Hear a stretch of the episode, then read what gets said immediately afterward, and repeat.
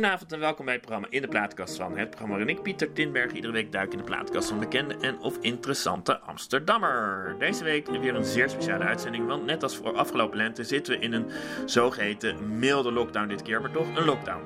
Voor ons radiomakers van Stadsradio Amsterdam betekent dit dat, dat de studio's dicht zijn en dus de uitzending van tevoren moeten worden opgenomen.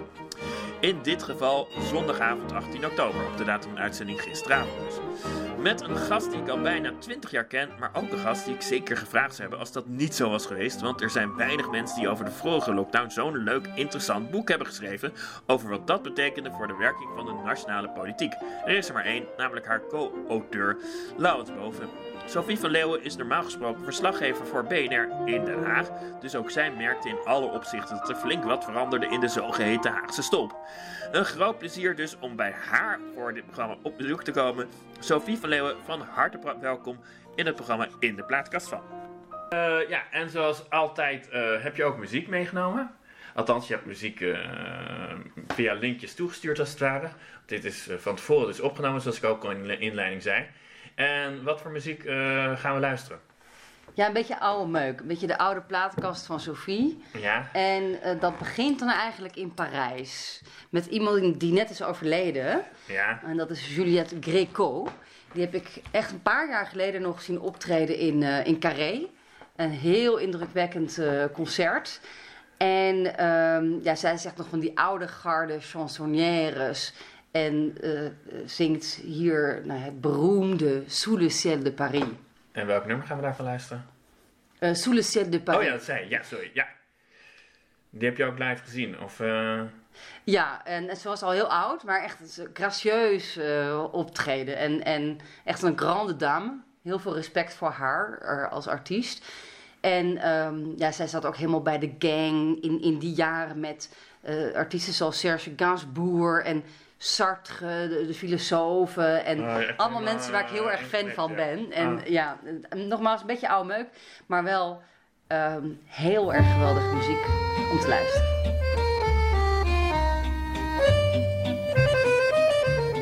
Sous le ciel de Paris s'envole une chanson. Mmh. Elle est née d'aujourd'hui dans le cœur d'un garçon. Sous le ciel de Paris marchent les amoureux. Mmh. Leur bonheur se construit sur un air fait pour eux.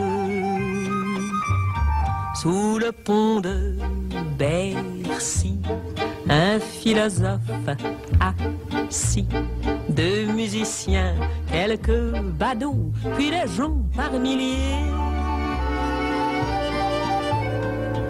Le pont de Paris, jusqu'au soir vont chanter. Mmh, L'hymne d'un peuple épris de sa vieille cité près de Notre-Dame. Parfois couvre un drame, oui, mais à Paname, tout peut s'arranger. Quelques rayons du ciel d'été, l'accordéon d'un marinier, l'espoir fleurit au ciel de Paris. Sous le ciel de Paris coule un fleuve joyeux. Il endort dans la nuit les clochards et les gueux. Sous le ciel de Paris, les oiseaux du bon Dieu mmh, viennent du monde entier pour bavarder entre eux. Et le ciel de Paris a son secret pour lui. Depuis vingt siècles, il était pris de notre île Saint-Louis. Lui sourit, il met son habit bleu. Mmh, Quand il pleut sur Paris, c'est qu'il est malheureux. Quand il est trop jaloux de ses millions d'amants, Il fait gronder sur nous son tonnerre éclatant. Le ciel de Paris n'est pas longtemps cruel. Mmh. Pour se faire pardonner, il offre un arc-en-ciel.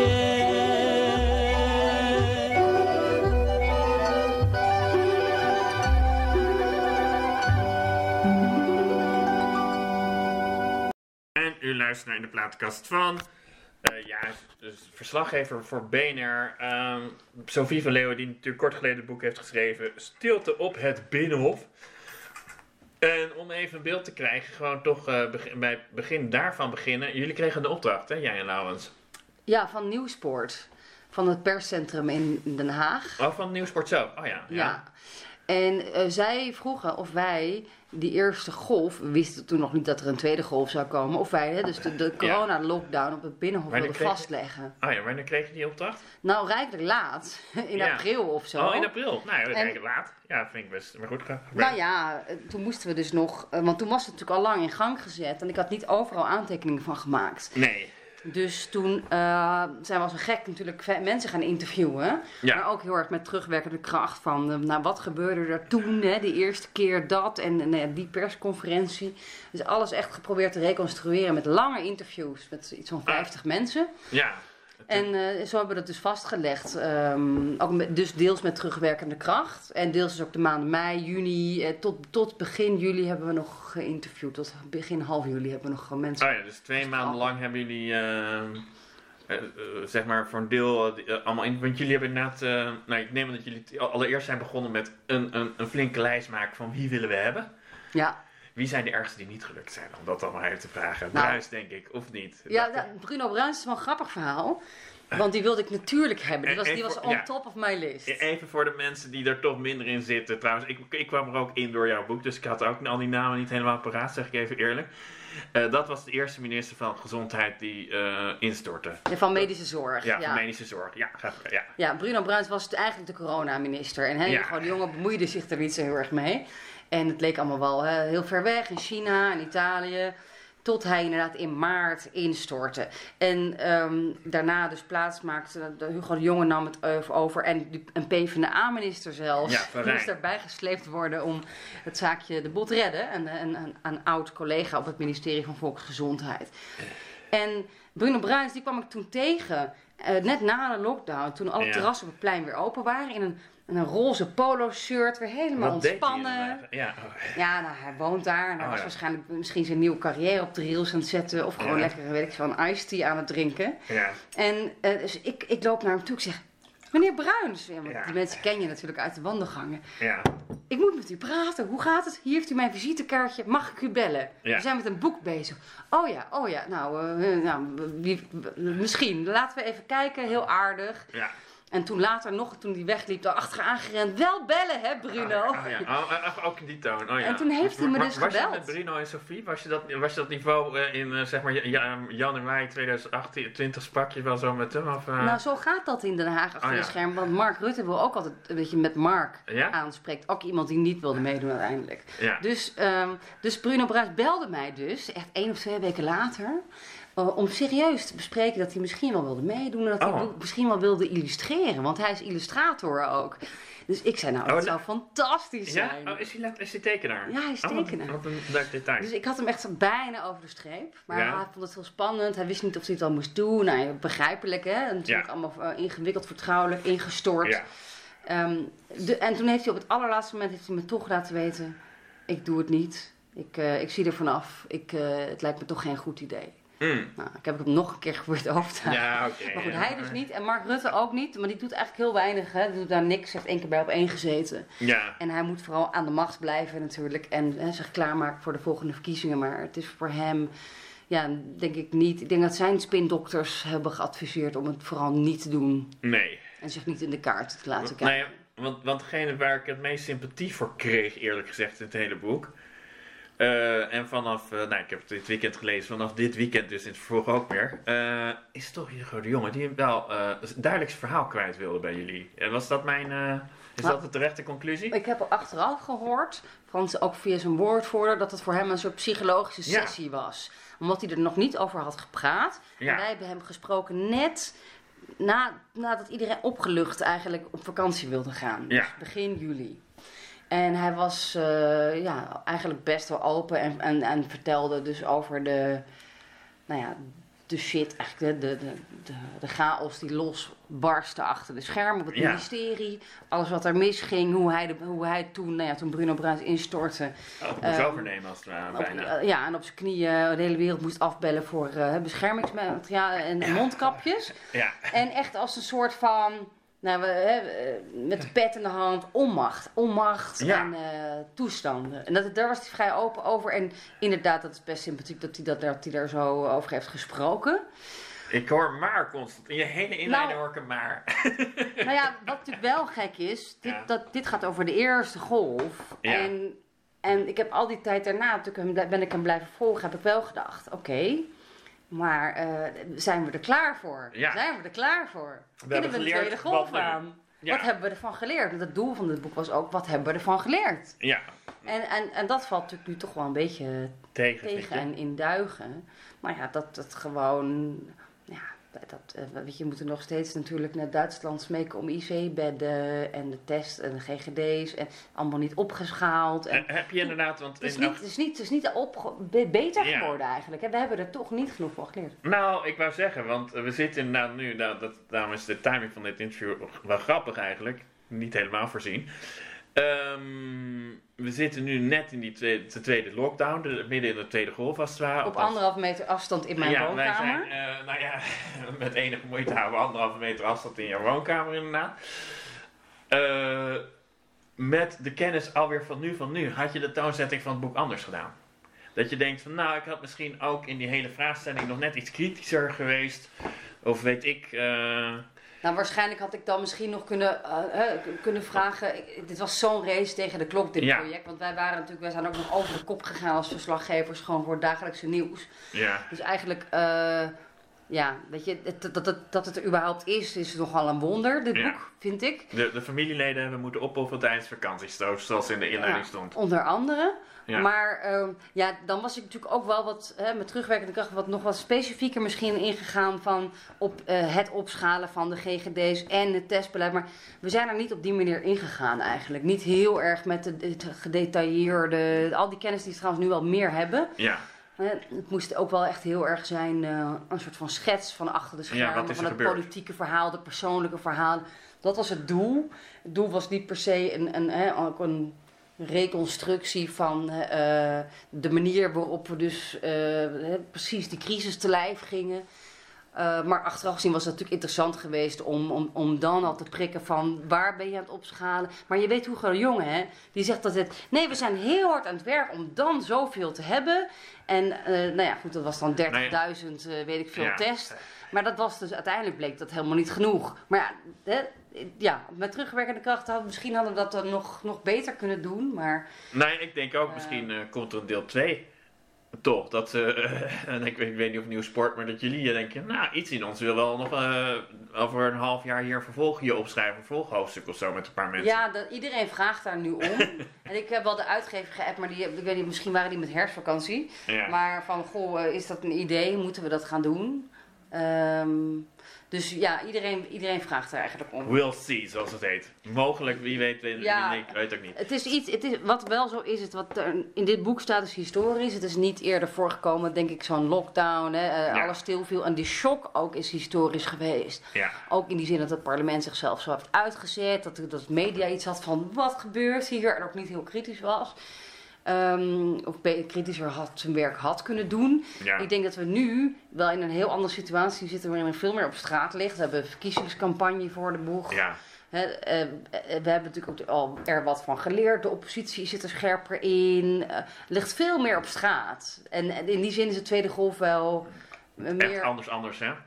Ja, nou ik weet niet hoe het voor jou is, maar het is wel het is een déjà vu, hè, meer. Het is niet, het is niet Nou ja, zo eh, historisch als de eerste golf. Ik als burger eh, hoop natuurlijk dat, dat eh, beleidsmakers en zo nu wel wat meer geleerd hebben dan dat ik de indruk krijg dat ze geleerd hebben. Dat, maar goed, dat zeg ik een beetje. eh, ja, dat hoop, ja, Dat nee, dat, dat, dat hoop ik ook. Maar ja, en, ik merk dat de bevolking anders is dan wat, jij wat jij ook beschrijft in in de eerste golf. De bevolking is minder welwillend dan in maart, krijg ik sterk de indruk, zeg ik een beetje. Ja, nee, dat is een groot probleem. Merk je, merk je inderdaad in het Haagse dat de sfeer anders is? Nou ja, iedereen kan zien dat er gedemonstreerd wordt, dat er, dat er natuurlijk mensenbedreigingen zijn, mensen voor de deur, de mensen Ja. die, die het niet geloven. Ja, ik zit er langzaam aan. eh laten we daar inderdaad straks even verder op gaan. Maar we gaan ook weer even een lekker nummer pakken. Welke.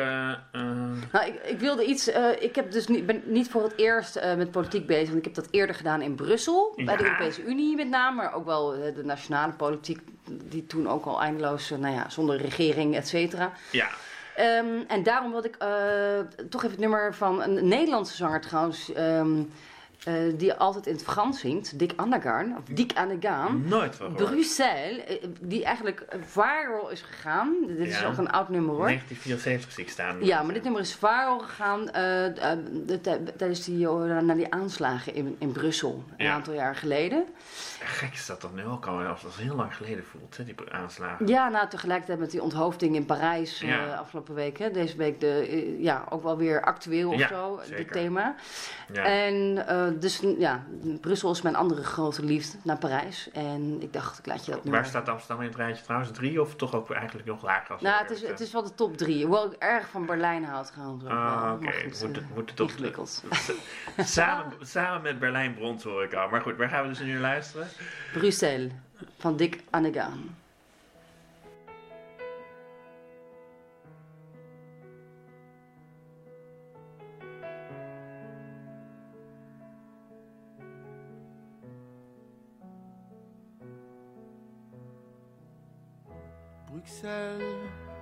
Ma belle, je te rejoins bientôt, aussitôt que Paris me trahit, et je sens que son amour est gris, et puis elle me soupçonne d'être avec toi le soir.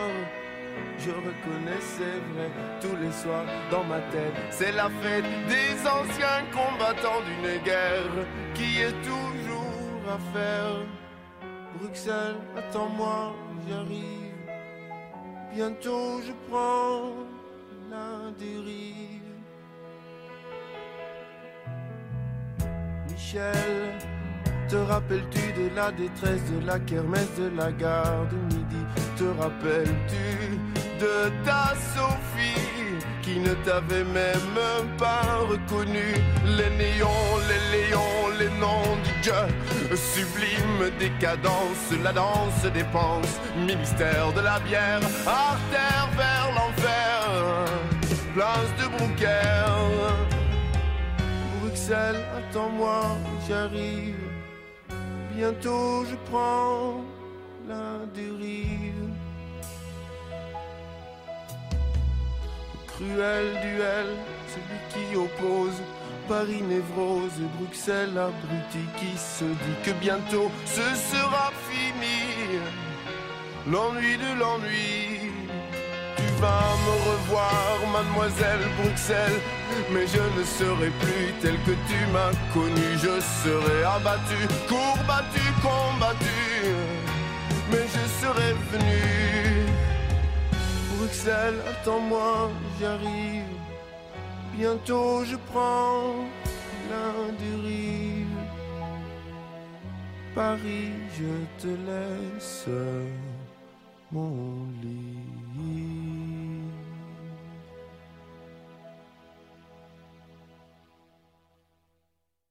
En u luistert naar in de plaatkast van eh schrij- nee, verslaggeefster, maar ook dus even een beetje schrijfster Sophie van Leeuwen. Ehm, en we hebben net geluisterd naar, eh, we hebben ook precies, oh ja, naar, naar Dick Annegarn met Bruxelles.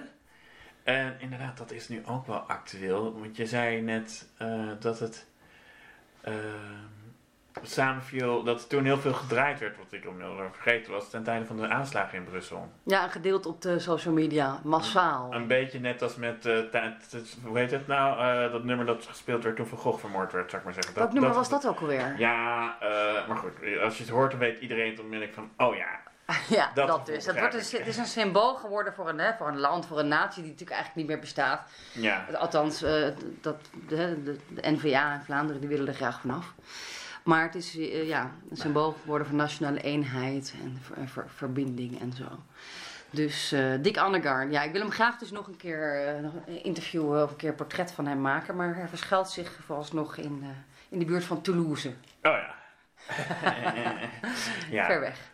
Ja, Voelen we nu, eh, voelden jullie eh, jullie, want je praat ook een beetje vanuit de stulp als je het boekje leest. Ik bedoel, je was onderdeel op een bepaalde manier van de stulp. Nou, je zegt ook tegen Bruin, zeg je dik, of hoe heet je ook weer van ja? Bruno. Bruno, ja. sorry. Dus dat, Zo gaat het dat, een dat- beetje. Dat, ja. doet niet dat doe je ook om mensen te verleiden. Je moet Ja, ook zorgen tuurlijk. dat je dichtbij ze staat, omdat je dan iets van ze, je wil iets van ze. Dus dat heb je soms dan nodig. Ja, nee, dat is verder prima. Ik bedoel, eh, dat is, maar nee, dat is wel een wereldje apart, neem ik aan. Eh, ik zie ook een hele grote glimlach. Eh, dus, Nou, het is wel, ik, ik ben nog steeds wel heel vaak verbaasd over dat, nou ja, dat theater en hoe dat, ja, natuurlijk hoe dat achter de schermen gaat en die wandelgangen. Dat was ook wel de reden waarom ik het wel wilde meemaken. Eh, hè, dus los van Parijs en Brussel. Het is toch wel, toch wel iets wat je, denk ik, als verslaggever wel gezien moet hebben. Den Haag, het Binnenhof, hoe dat werkt. Hoe, hoe macht en, werkt. nee, en wat ik ook wel in jouw boek eh, las, ehm, eh, wat ik ook heel leuk vond, is dat jullie, jullie binnen de stop eh, heel erg last hebben van die anderhalve meter. Dat is een irritant gegeven, dat werkt minder prettig. Nou, je kunt dus niet meer fluisteren, hè? Ja, ja. Dus eh, ik wil dat boek eigenlijk noemen Fluisteren kan niet meer. Ja. Zoiets van, hè, eh, vrij naar vluchten kan niet meer of zo. Ja, ja. Fluisteren kan niet meer. ja. Want je merkt gewoon fysiek dat je dus in je werk heel vaak je naar, eh, vooroverbuigt ja. Naar de ander. eh, om dus te vragen van, ja, en met welke emotie ben jij? Of, Ja, eh, nou ja, of, Even of- off the record, dat werkt. dingen off the record. En dan sta je op zo'n de patatbalie. Dat is gewoon zo'n balie bij de Daar, plenaire wordt, daar is zaal. nooit in de hele ooit patat verkocht, neem ik aan. Hè, Nee, dus dat, daar worden al die briefjes werden er niet allemaal digitaal, maar moties uitgedeeld. En op de agenda die dan weer opnieuw eh, over, over de kop is gegaan en herschreven. Ja, Maar, en er zijn altijd heel veel andere mensen. Dus je hebt heel veel dan onder onsjes, ook in de wandelgangen. Ehm, en iedereen wil, probeert ook zijn eigen nieuwsverhaal of zo te maken natuurlijk. Hè? Van, Ja. Of kijken of kun je, kun je iets exclusief krijgen. Maar ook van wat is er nou echt gebeurd achter de schermen volgens jou hè, bij die onderhandelingen. En wie zei wat. Dus ehm, je moet nogal moeite doen inderdaad om en investeren in die persoonlijke contacten. Maar als je dus op anderhalve meter, niet, dan, je, je merkt soms dat je, dan, dat je dan eigenlijk elkaar niet verstaat. Ja. En dan nog dichter bij elkaar. En dan schrik je terug. Van, oh nee, Ja? we gaan nu te dicht bij elkaar. Heb, heb je dat de afgelopen, dan- anderhalve weken ook, al- anderhalve we- eh, afgelopen weken ook wel gehad? Of maanden dat je dacht, Ja, oh, zitten natuurlijk. Ja, Ja. dan, ja, dan, wordt het, dan denk je, oh, ik ben te dichtbij. Je schrikt terug. En dan volgens ga je het nog een keer proberen. Maar dan merk je dat je eigenlijk zo hard moet praten dat dan iedereen het eh, zou kunnen horen. En dan, dan is het niet meer Is, is dat vertrouwelijk. eigenlijk slecht of Dus goed dat is voor- wel uit- interessant. voor, gewoon als je het heel, eh, hoe heet het, institutioneel bekijkt, is dat slecht of goed? Eén is, ik kan me ook voorstellen eh, dat het goed is, omdat je dan weer wat minder tra- eh, transparanter bent, omdat die achterkamertjes wat een beetje daardoor verdwijnen. Ja, je kunt ook stellen dat meer afstand eh, goed is voor, hè, dat- voor de kritische geest van, van de Haagse pers. Ja, Dat, dat, dat- er zijn zeker mensen die, die, die dat, eh, die gedachten aanhangen. Ook Joris Luidijk natuurlijk heel erg. Hè, mijn voorganger van tien jaar geleden, Ja. die ook nieuwsportrapporteur was. Ehm, eh, maar ook Pieter Omtzigt in het boek die eigenlijk zegt van nou de journalistiek heeft het belabberd gedaan en jullie moeten veel meer afstand houden tot de Haagse politiek. ja, En niet ehm, eh, hè, al die nieuwsverhalen die jullie krijgen toe, toegeworpen, maar klakkeloos publiceren. Dus er is zeker wel iets voor te zeggen om meer afstand te, te hebben. Aan de andere kant is het ook wel handig als mensen af en toe of de wekker de achterste van hun tong laten zien, zodat je later daar weer iets mee kan. Ik vind Ja, dat zo'n nee, zo'n soort dilemma. Nou, het gaat er ook om, het gaat mij er ook, ik heb ook een podcast. Ja? Eh, het heet Newsroom Den Haag. Die maak ik ook met Laurens en met Mark Beekhuis, een collega. Oh, te beluisteren via BNR's website ik Ja, aan. ja, maar ook Spotify en zo. En eh, de podcast apps. Maar wat, we dan, wat je eigenlijk doet, dus kijk, het gaat mij niet alleen maar om eh, dat ik morgen een scoop heb, maar ook dat je dus inderdaad eh, het, het echte verhaal kunt vertellen. Met dat je in transparantie kunt reconstrueren wat er achter de schermen gebeurt. Ja. Dat kan dus ook via dat soort media, dus niet de nieuwsuitzending, maar wel via de podcast. Dus je moet wel inderdaad, je moet die wandelgangen in om, om eh, uit te leggen wat er, wat er echt gebeurt in het machtsspel. Ja. Dat is ook ons doel. Het is niet alleen maar een doel om een scoopje te brengen of hè, iets wat het ministerie morgen gaat publiceren. Nou, ben je dat, is wat dat betreft deze, dit, ik heb het boek nu in mijn hand, De Stilte op de Binnenhof, geschreven door Sylvie Leeuwen en Laurens. eh, van Boven. Boven, inderdaad, niet van boven, maar boven. Eh, is, is dit ook eigenlijk een soort stilte, dit schrijven van dit boek, een soort stilte moment voor jullie geweest, jullie tweeën? Om een soort dus reflectie met een iets meer helikopterblik eh, dingen te gaan beschouwen? Of zeg je van, eh, het was op een bepaalde manier ook business as usual? Nee, dat was heel, heel gaaf en, en, en inspirerend om dus eh, urenlang te praten met al die mensen. Ja, Op, op, je ziet ook heel leuk om beschreven hoe bij Geert Wilders eindelijk worden uitgenodigd op zijn kamer. ja maar het de die- eerste keer dat je iets uitgebreid met Wildersprak. Ja, voor mij wel ook in die afgesloten afdeling, Ja. de- die zwaar beveiligde afdeling, waar je eigenlijk nooit komt. Ik vind trouwens, eh, En- ik ben geen Wilders-fan, maar eh, even een zijlijntje. Ja, hij komt daar. Heel sympathiek uit voor. Ja, dat, en dat, dat, dat, dat was ook wel zo. En eh, eigenlijk ook, terwijl hij helemaal niet democratisch is, hè, als enige lid van zijn eigen partij. Ja, Maar stelt zich heel democratisch op, hè, in de manier Ja. waarop hij debatteert. Ehm, hè, het, het, het tegengeluid. Ik, ik, ik, vond- hij viel mij ontzettend mee. ja? En hij is natuurlijk ook ja, super ervaren door de wol geverfd. En ja, lekker fel in zijn debatten. Ja, En maar hij deed, in, in, zoals in het boek naar voren komt, is het ook een aardige man, moet ik eerlijk zeggen, zoals je hem beschrijft. Maar ook iemand die eh, gewoon zijn werk als parlementariër doet. Punt. Ja, punt, precies. Punt. Maar ja, het is natuurlijk ook wel zo, hij is natuurlijk de eeuwige oppositie. En eh, hij is natuurlijk ook niet zo van de deeltjes. En de, de constructieve oppositie, GroenLinks, PvdA, die misschien willen meeregeren. Dat Ja. soort problemen heeft hij natuurlijk niet. Hè? Dus hij kan het spel heel, heel Sec spelen. Ja, En dat doet hij ook. Maar daar, daar is ook iets, eh, ja, er zitten goede, goede dingen element in zeker. Zeker. Nee, dus dat was heel leuk om dat mee te maken. En toen dacht ik, ja, eigenlijk moet ik gewoon elke week... eh, we hebben elke dag één iemand geïnterviewd gemiddeld. Ja, ja. Dus naast het werk. Dus eigenlijk, ik dacht, dat moet ik eigenlijk inderdaad blijven doen. Ja. Nu. Ehm, of er nou een tweede boek komt of niet. Om, die, om die, die diepere lijnen te bewaken.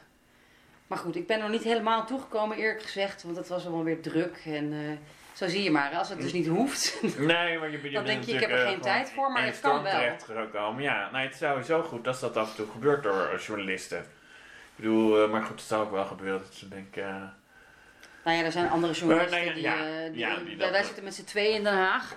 Maar er zijn ook al, eh, kranten die, met, volgens mij ook bij de NOS, weet je wel, die eh, Tuurlijk, redacties die misschien eh, met z'n tienen zitten. En die zeker wel... eh, ja. Maar ben jij zelf meer tijd hebben anders gaan beschouwen door eh, dit zijn van Nou, de regie, eh, dat je erachter komt dat er veel meer regie is eigenlijk dan je, dan je dacht. Of dat Ja. er dus sowieso in de crisis, hè, van, eh, dat je hebt dan zo'n crisiscommunicatieteam Ja. die alles, eh, alles bedenken van de ministers waar in welke talkshows die gaan zitten. Oh, En- ja. Maar ook de hele hè, de onderzoeken naar gedrag voor, de, voor die persconferenties. Dus allemaal helemaal, Nou ja, en, en ook helemaal uitgetekend. Ja, Hoe, en, hoe eh, wij dat moeten communiceren uiteindelijk. Dus hè, als wij als waar, journalisten ja. daar bijna geen, geen rol meer in hebben. Dat is natuurlijk niet zo. Maar het is wel ook een aantal mensen, journalisten in het boek beschrijven. Van, ik voelde me bijna verlengstuk van het crisiscommunicatieteam van het Ja, kabinet. er wordt ook ooit een grap over gemaakt, hè, van eh, wie komt waar vandaag, vandaag of zo, zo'n soort... eh, Ja, welke minister krijgen we vandaag? ja, En ehm, dat is Peter Keven op één. ja. En kijk, je weet natuurlijk wel ergens dat er ook de RVD, er zit natuurlijk heel veel regie op, maar ik had het nog nooit zo, zo uitgetekend, zo bewust eh, gerealiseerd. En dat er ook woordvoerders zijn die dat gewoon bevestigen. Ja, natuurlijk, dat is ons doel. Weet je, Ja. wij willen jullie, huppakee, die kant op.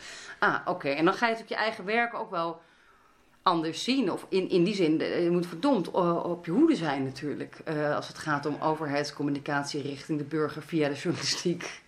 ja, hoe- nou ja, hoe, hoe, hoe kan je dat doorbreken? Nou, wat ik zelf doe, Ja, Ik zit heel erg op die steunpakketten. Eh, dus Koolmees, eh, Hoekstra, Wiebes. dus meer de Ja. economische kant van de crisis. Dat is eigenlijk mijn portefeuille.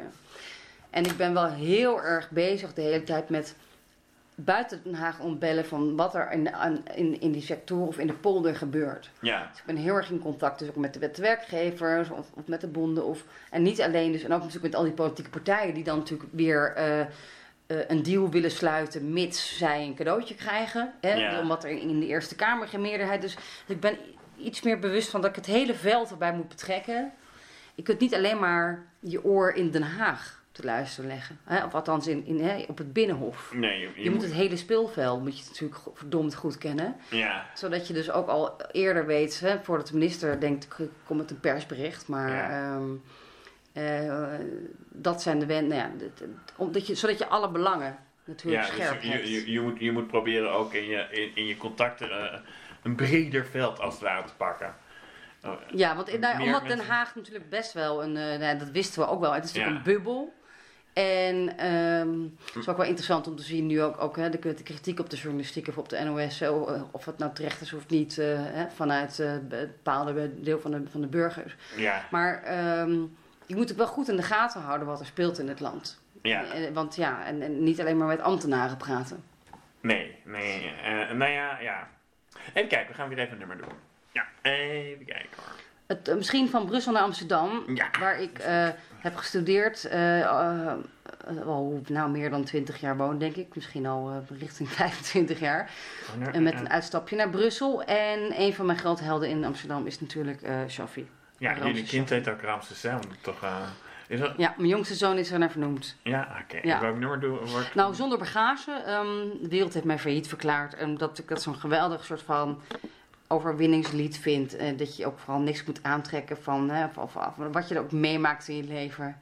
Ehm, eh, met opgeheven hoofd vooruit.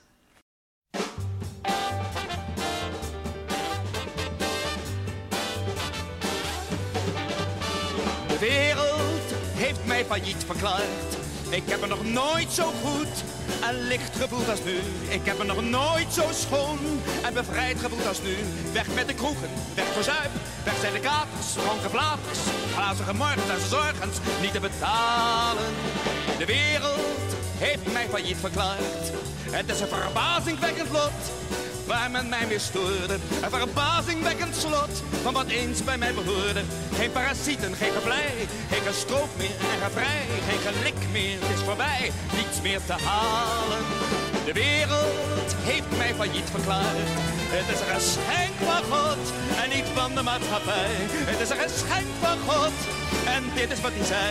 Je moet weer werken, je moet weer zingen, je moet weer lachen. Je moet weer spelen, je moet weer geven en beleven. Je moet weer stralen. De weg is vrij, de weg is open. De weg is mateloos van mij. Zonder bagage kan ik weer lopen, want ik ben nu vogelvrij. De wereld heeft mij failliet verklaard. Ik ben ontstegen aan het goudkakeel. Ik ben ontstegen aan het matte oordeel. Ik heb niets meer te verliezen. Ik heb alleen te winnen, te beminnen, te beginnen. Ik ben niet meer te achterhalen.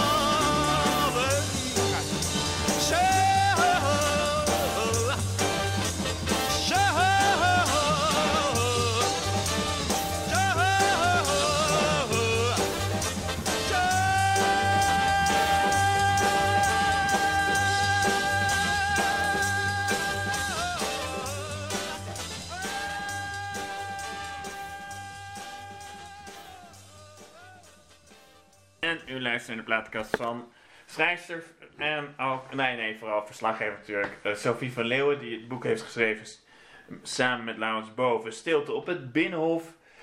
Ehm, is het trouwens weer stil op het Binnenhof? Nu? eh, met de tweede, of zeg Nou, het is nu herfstrecess, dus Ja. het is nu wel heel stil Binnenhof. En ja. nu is het sowieso Ja. heel Geen stil Binnenhof, debat. maar eh, ver- verwacht je dat morgen, eh, komende weken ook weer echt stiller zal zijn? Of zeg je van, nou, het is echt wel een ander ding nu, is mijn gevoel.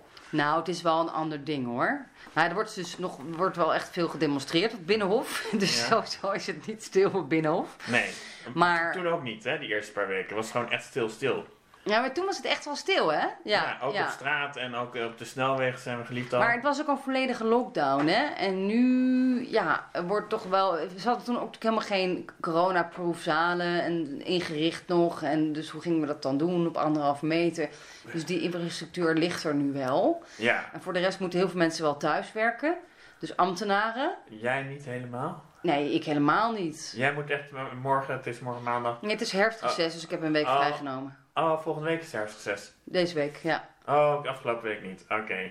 Maar Nee. goed, over de anderhalve week eh, mag, mag jij weer... eh, Ja, er is zoveel aan de hand. Ik bedoel, weet je, er komt dus mogelijk extra steun voor bepaalde sectoren. Nou ja, hè, in Amsterdam natuurlijk alles ligt plat. De culturele sector, ja, ja. de, de horeca.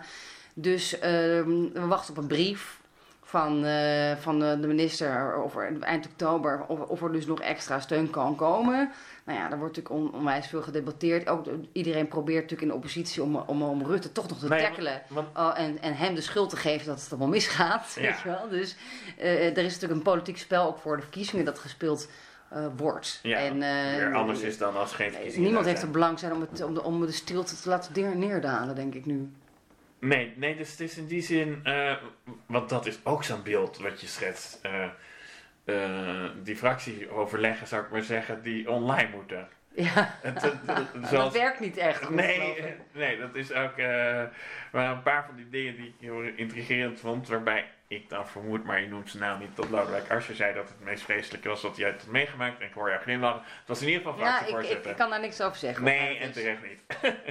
Maar iemand zei, het is het verschrikkelijkste dat ik ooit heb meegemaakt. Ja. Geef wel trouwens aan hoe eerlijk ze zijn, vind ik. Ja, al, bijna iedereen die jullie gesproken hebben, krijg ik de indruk, was als ze eenmaal een mond open deden, waanzinnig openhartig. Nou, dat kwam dus een beetje omdat wij dus eigenlijk de eerste waren die er een beetje bovenop sprongen toen iedereen een soort van opgelucht was. Dat het Ja. misschien wel mee zou Jullie vallen. timing mee van En jullie dat vragen. heel veel mensen, eh, wij voelden echt opluchting van mensen. Dat ze dachten, oh, nu kan ik eindelijk even, kan, kan ik het even laten gaan. Kan ik er even over praten. Het is een therapeutische sessie. Ja, en ook eh, Geert Wilders, die vond het ook verschrikkelijk. En nou ja, dat was nogal... Oh. Oh. oh ja, nou ja, goed, al die video-overleg achter de Ja. schermen. En Maar wat? nou, dat werd, blijkbaar was dat, was dat erg nou chaotisch. vindt de politie en, eh, dat erger dan wij gewone werknemers? Want ik vind het helemaal niet zo rap. Dan doe ik echt totaal ander niveau werk. Nou, het ging ook heel erg over hè, eh, in hoeverre de democratie zou doorgaan. Hoeveel gaan we debatteren? Ja, En dan heb je natuurlijk altijd zo'n soort van... In de Tweede Kamer heb je een hele krappe... Of eigenlijk niet echt een meerderheid, maar misschien met de SGP. ja semi-meerderheid. Hè, met een soort van eh, Voor de coalitie bedoel je. voor Ja. de coalitie. Dus ja, er was ook heel veel woede over bepaalde debatten die dan wel of niet eh, zouden doorgaan. En de VVD had zoiets van, jongens, we gaan met z'n allen thuiswerken. We gaan lekker niks doen. Of nee, ja, in ieder geval Nou, een beetje achter, achteroverleunen. Eh, Klaus Dijkhoff. En had daar misschien ook wel belang bij, omdat Rutte natuurlijk hè, in de schijnwerper stond van, van de persconferenties. Ja, Maar, nou ja, ook bijvoorbeeld een voorbeeld wat ik dan beschrijf over eh, hoe Hoekstra heel Zuid-Europa over zich heen kreeg. ja. Hè, in, in de discussie over de coronabonds en hoeveel geld er dan wel of niet of geleend zou worden of eh, verstrekt zou worden. En echt uitgescholden werd, weet je wel, in El País en in Spanje en Italië. En dat er dus in Den Haag niet over gedebatteerd kon worden. Nou, daar werden mensen natuurlijk woest over. ja. En dat begrijp ik wel heel goed. ja. ja. Dus, en dat gaat over dus de democratie. In hoeverre, nou ja, dat in hoeverre, dat is dan nog... Ja, in hoeverre functioneert de democratie redelijk? ja, en dat is natuurlijk essentieel. Ja, dat, dat moet, het moet, je, je zou willen dat je een echt controlerende macht had. En jullie schrijven op een gegeven moment letterlijk... eh, Nederland werd geregeerd per decreet. Ja, en, en, en, de, en, en de, de politici en de oppositie zelfs, ook deels, gingen in het luizenstandje. En, ja, de, en, aan de andere kant, het enige wat ze dan wel doen... Notabene, hoe heet hij nou? Klaver. Ja, vond ik ook zo'n anekdote. Die heeft het over ons verziekt even voor een paar dagen met betrekking tot die stomme mondkappen. ja. Nou, dat zegt ook wel iets van over hoe er in Den Haag, hè, Maar en leg hoe maar even uit, het is wel echt een mooie anekdote te overhouden hier. Ja, ik zat even bij me maar hoe ver we soms ook van de realiteit afstaan. Hè? Of wat dan sommige mensen dan. Nee, dat ging over. Dat was dat debat met Bruno Bruins, waarin Bruno Bruins omviel Ja. op 18 maart. En waarin dus ehm, Klaver aandrong op vorderen van die dingen. ja, Klaver eh, ja, eh, be- Best begrijpelijk trouwens. behoorlijk in de aanval. En alle mondkapjes voor er nu. En waar zijn ze? En wie heeft ze? En welke bedrijven? En u moet de regie nemen. Dus Eh, hier, onder welke steen leeft deze minister? Hij schreef Ja. het zo wat uit. En dat gaat over die grote tekorten. En het is ook heel begrijpelijk dat je dan zegt van, ja, hè, pa- pak de controle, lever ze in. Maar ja, we, we spraken mensen ook achter de schermen, dus ook net even wat buiten Den Haag. Die dan vertellen ehm, dat dat op de achtergrond inderdaad leidt tot grote paniek bij het bedrijfsleven. Van oké, dus als wij nu mondkapjes sturen naar Nederland, dan worden ze gevorderd, worden we überhaupt nog wel betaald. Dat leidt natuurlijk tot paniek Ja. hè, bij eh, van die, die dealers. En, ehm, en vervolgens gaan, gaat, gaan de leidingen mondkapjes niet naar Nederland, maar die worden naar, naar Denemarken gestuurd. Ja, want die, die ondernemers die denken, wacht even, als ik ze in Nederland lever, dan worden ze afgepakt. Doordat meneer Bruins in zijn niet-nadenkendheid, terwijl hij half instort, zegt, oké, ze worden gevorderd. Ja, want Bruins geeft dan toe. Ja, Ja. En, en, en wel grappig, Wilders die, die, die vertelt dan hoe hij, hoe, terwijl hij eigenlijk ook daarom vraagt, ontzettend verbaasd staat te kijken hoe dat gebeurt. Ja, en dan, nou ja, dan, dan, En, en concludeert, nou die man is overspannen. En dat was ook zo. ja, en ook wel weer heel begrijpelijk, vond ik trouwens, eh, als je dat zo ook zo naleest. Ik, ik dacht Ja. aan de hand daar ook weer van, en je had het boek ook de titel Botsende Werelden kunnen geven. Want er zijn voortdurend eh, werelden die botsen. Eh, eh, zo, eh, zo ook inderdaad het, medisch, de medische wereld met de politiek. Ja, Zo van die 1600 bedden, ja, die redden we niet. En dat heeft me wel een beetje verbijsterd eigenlijk. Ja, of de losgezongen politieke realiteit. Dat, dat vond ik ook wel ja, interessant om te zien eigenlijk. Dat, hè, wat, wat we in Den Haag ook, of soms in het debat, wat, wat daar op tafel komt. Dat het niet reflecteert. Hè, of eigenlijk niet, niet echt verband houdt met, met de echte wereld. Dat het daar dus een beetje van losgezongen is. Eh, bij Vlagen. En, Maar ja. ik, ik bedoel, iedereen die in de, eh, tot de, de grootste politieke junk heeft ook de, eh, een ander leven in zijn leven. Dus hoe ze, hoe, hoe, hoe- want ze moeten wel met elkaar vast komen te zitten natuurlijk. Ik bedoel, zeker als het over dit soort dingen gaat, er moeten genoeg IC-bedden komen. Om maar een voorbeeld te noemen. ja. Hoe kan je die dan toch op een bepaalde manier met elkaar in verbinding brengen? Of moet je dan als politiek af en toe harder zijn in de boodschap die je meldt? Want zoiets kan niet, klaar, punt. Maar dat, dat kan toch niet? Dus dat is, ik, ik zag niet een oplossing voor het probleem dat jullie schetsten. Nou Die ja, ik, ik, ik vind het zelf nog wel eens storend dat Hugo de Jonge altijd maar riep... Ja, nee, we zijn hard aan het werken en dat komt goed. Weet je wat, we zijn eh, een soort van altijd het positieve scenario schetsen... terwijl ik eigenlijk niet... Ja, vertel me gewoon de waarheid. Zeg gewoon, het is er nu niet. Ja, En als, als je heel weet de moeite wij moeten doen in de persconferenties... om dat antwoord eruit te krijgen en hoe daar omheen gedraaid wordt... dat draagt voor mij niet echt veel bij aan vertrouwen in de politiek. Zeg gewoon waar we staan... ja, En, en, en wees daar transparant over. En dat, dat ontbreekt wel een nog beetje. steeds. Ja, ik denk dat dat... dat ja, ik, ik wil graag transparantie. Maar ja, het, dit is politiek, hè. Het gaat uiteindelijk om, eh, ook om gezichtsverlies. En om eh, partijbelangen. Ja, en ja. Maar is, is dat. ehm, zou, is daar een rol voor de journalistiek inderdaad weer gelegd? Dat ze op een gegeven moment niet meer om, om de waarheid heen kunnen? Ja, ja, dat is ons werk natuurlijk, ja. Om dat proberen boven tafel te krijgen. Ja, en ehm, nou, als je dit leest, dat is dus in het begin van de, hebben jullie een beetje laten leiden als ik dit, eh, jullie in de Haagse stol in de journalistiek zeg maar in dit geval. Ja, dat gaat over de eerste weken dat Ja. iedereen in shock was. En dan Ja. later dan herneemt eh, ook, ook het parlement zich wel weer, hè, en, en eh, eh, wel weer wat. En, en dat zie je en nu ook, hè, wel, wel, wel meer. Ja, En en- met name in de tweede golf. Ja, en, en, en, ook de oppositie wordt wat, wat verder erin. Is, is dit een van je, nou want je zegt zelf eigenlijk mijn grote liefde, dat zijn een beetje in het begin, en voor een deel ook uit de ether. Eh, nee, we doen even een nummer en daarna gaan we de- daar die vraag stellen naar je grote liefdes. Ja, nog een grote lieve eh, Een uit grote eh, liefde. Prassel, Jabrel. En het ja. gaat eigenlijk over zijn beste vriend. Wie is Zo, dat dan? zo, zo, Ah, zo. Wie is dat echt? Want Jojo is geen echte, of is het gewoon, Zo, zo was zijn, dat is Georges, dat is de beste vriend van Jabrel. ja. En die overlijdt op een zeker moment, want ze hadden een heel ruig leven met veel drank en nou, drugs, weet ik niet, maar Nog wel eerder dan Jacques Brel zelf, want het is ook niet ouder geworden nog eerder, ja. Ja, en het is een, eh, een, een, een hartverscheurend lied, vind ik. En over vriendschap. Jojo. Voici donc quelques rires, quelques vins, quelques blondes. J'ai plaisir à te dire que la nuit sera longue à devenir demain. Jojo. Moi je t'entends rugir quelques chansons marines, où des Bretons devinent que Cinq-A doit dormir tout au fond du brouillard. Six pieds sous terre, Jojo, tu chantes encore. Six pieds sous terre, tu n'es pas mort. Jojo, ce soir comme chaque soir, nous refaisons nos guerres. Tu reprends Saint-Nazaire, je refais l'Olympia au fond du cimetière. Jojo, nous parlons en silence d'une jeunesse vieille. Nous savons tous les deux que le monde sommeille par manque d'imprudence. Six pieds sous terre, Jojo, tu espères encore. Six pieds sous terre, tu n'es pas mort, Jojo. Tu me donnes en riant des nouvelles d'en bas. Je te dis mort au con, bien plus con que toi, mais qui sont mieux portants. Jojo, tu sais le nom des fleurs, tu vois que mes mains tremblent. Et je te sais qui pleure pour noyer de pudeur mes pauvres lieux communs.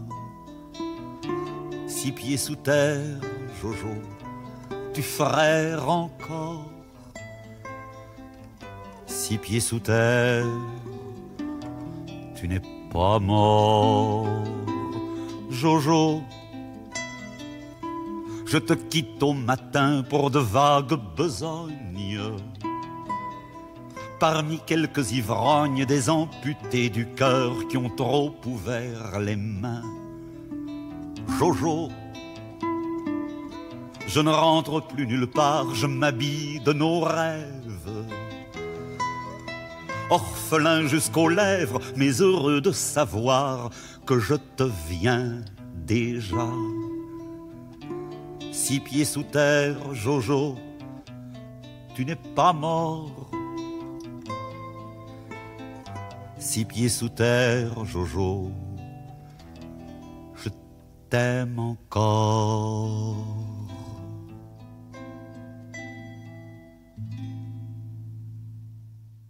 En u luistert naar In de Plaatkast van eh, publicist in dit geval en eh, verslaggever eh, Sophie van Leeuwen.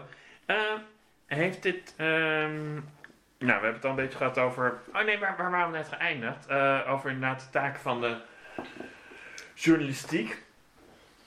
Ehm, is die ook een beetje anders geworden door eh, deze crisis? Want er zijn natuurlijk wel meerdere crisissen geweest. En niet natuurlijk een pandemie, maar wel dat heel eh, Den Haag opstel eh, opeens in paniek was. Ik bedoel, bij de, moord op Theo is godzijdank alweer heel lang geleden. In de zin dat, maar toch, dan heb je ook opeens, of, eh, van, of zeg je van, ja, heeft, dit- heeft dit het hele, het hele, het- heeft dit een verandering gebracht in alles een beetje?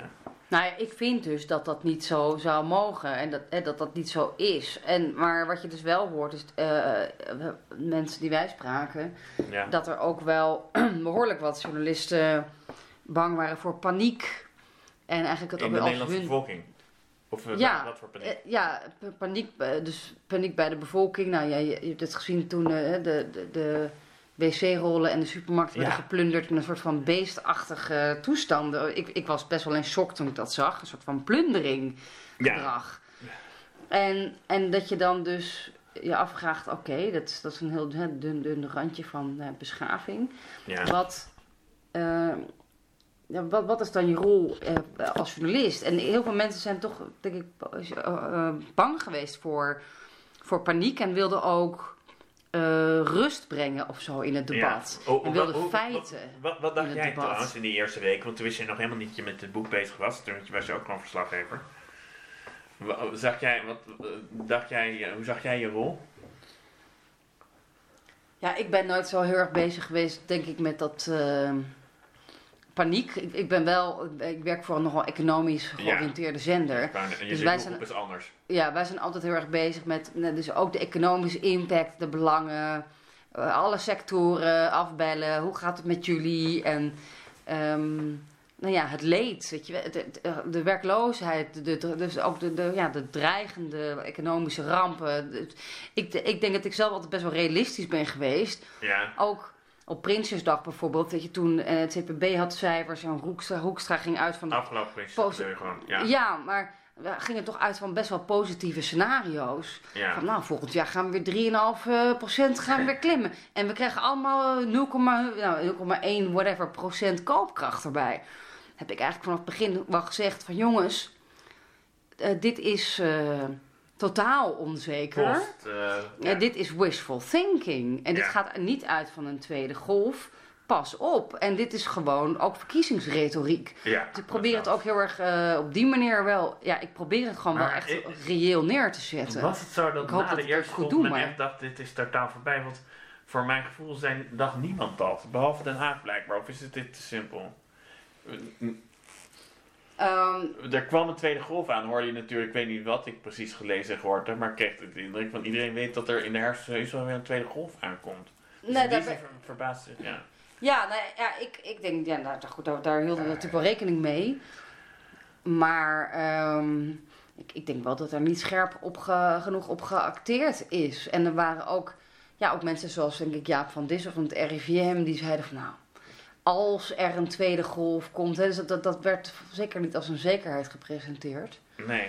Ehm, dus ja, of daar naar gehandeld is, dat, denk, dat, is, dat is zeer de vraag. Hè? Of daar genoeg is opgeschaald bij de GGD's, of we daar genoeg goed, goed bo- bovenop hebben gezet. En ik vond ook toen wij de mensen spraken, dus begin van de zomer, Ja. men- ik vond mensen behoorlijk opgelucht.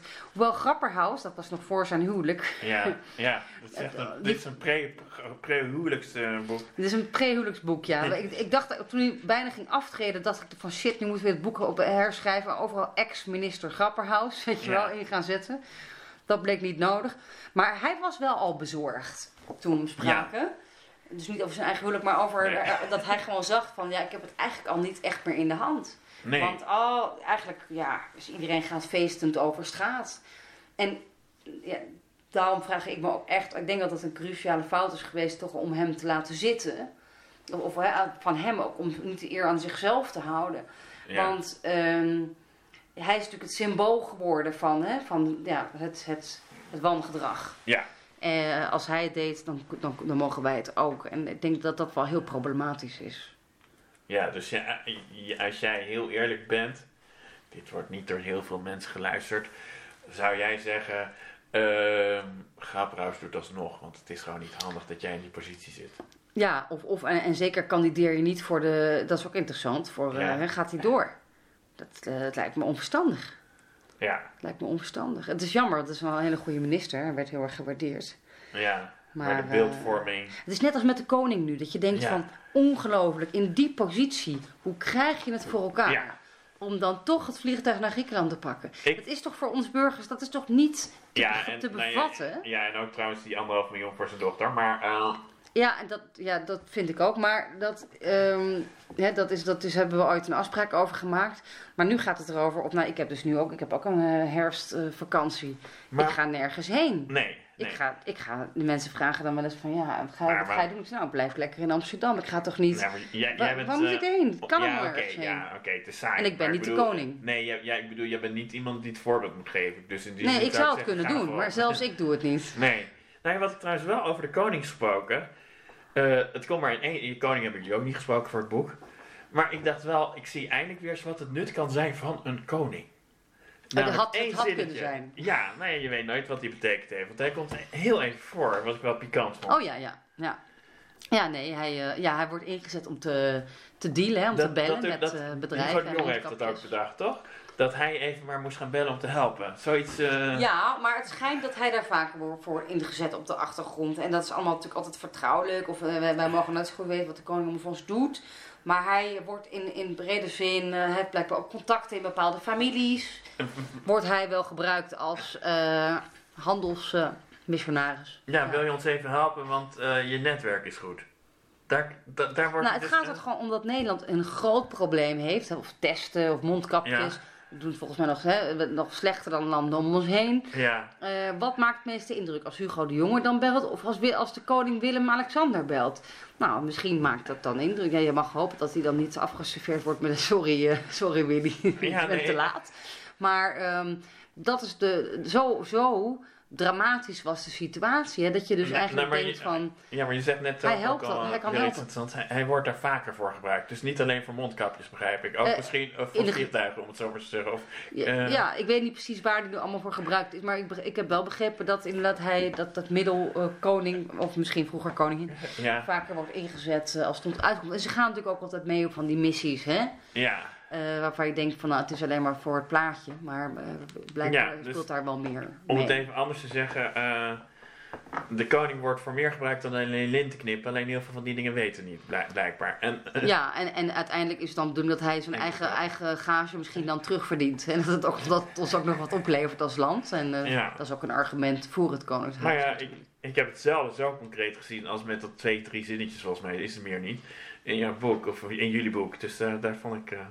Ik dacht, hé, hey, oké, Ja. daar kan hij dus zijn nut voor hebben. Nou ja, als we, anders hadden we gewoon, als we een president hadden gehad, hadden we haar. Hè? Ja, oké, maar ik kan me Je net kunt ook- president Macron sturen. Dus Your- misschien dat het ook His Royal. Highness from the Netherlands is en aan de telefoon is misschien toch voor sommige mensen integrerend. Please help me. Ja, ik wil steken voor je krijgt My aan de telefoon of, eh, nou ja, dat is slecht voor maar goed. Ja, en Eh, Maxima natuurlijk, hè, de koningin. Ja, mooi. Nou, leuk. Eh, zijn we met de koning geëindigd. Maar, met, ik denk langzaam bij het einde van de, het interview. Met welk nummer gaan we eindigen? Ik, Nou, met een, een hit die. eh, een grote hit afgelopen jaar in Wallonië, maar ook in Frankrijk. ja. Van een, een, een eh, eh, zangeres, Angèle. En haar broer Romeo, Elvis. Tout oublié. En ik, ik heb het idee dat in Nederland niet heel erg is doorgedrongen. Dus daarom denk ik, het is een ontzettend leuk nummer. Eh, alles vergeten, tout oublié. Eh, misschien is dat leuk om mee te eindigen. En eh, dat nummer dan ook eens de Nederlandse ether in te lanceren. N'existe pas sans son contraire. Bedankt. lui En facile à aangekondigd dat over trouver. twee weken Le bonheur ook n'existe que toevallig pour eh, plaire. historica, Je vooral het Koningshuis. je Daniela douter Hoog-Hiemstra. d'en avoir vraiment rêvé. Est-ce une envie Parfois je me sens obligée. Le spleen n'est plus à la mode, c'est pas compliqué d'être heureux. Le spleen n'est plus à la mode, c'est pas compliqué. Tout, il faudrait tout oublier. Pour y croire, il faudrait tout oublier. Tout oublier. On joue, mais là j'ai trop joué. Ce bonheur, si je le veux, je l'aurai. n'existe pas sans son contraire. Une jeunesse pleine de sentiments. L'ennui est inconditionnel, je peux ressentir le malaise des gens qui dansent. Essaye d'oublier que tu es seul.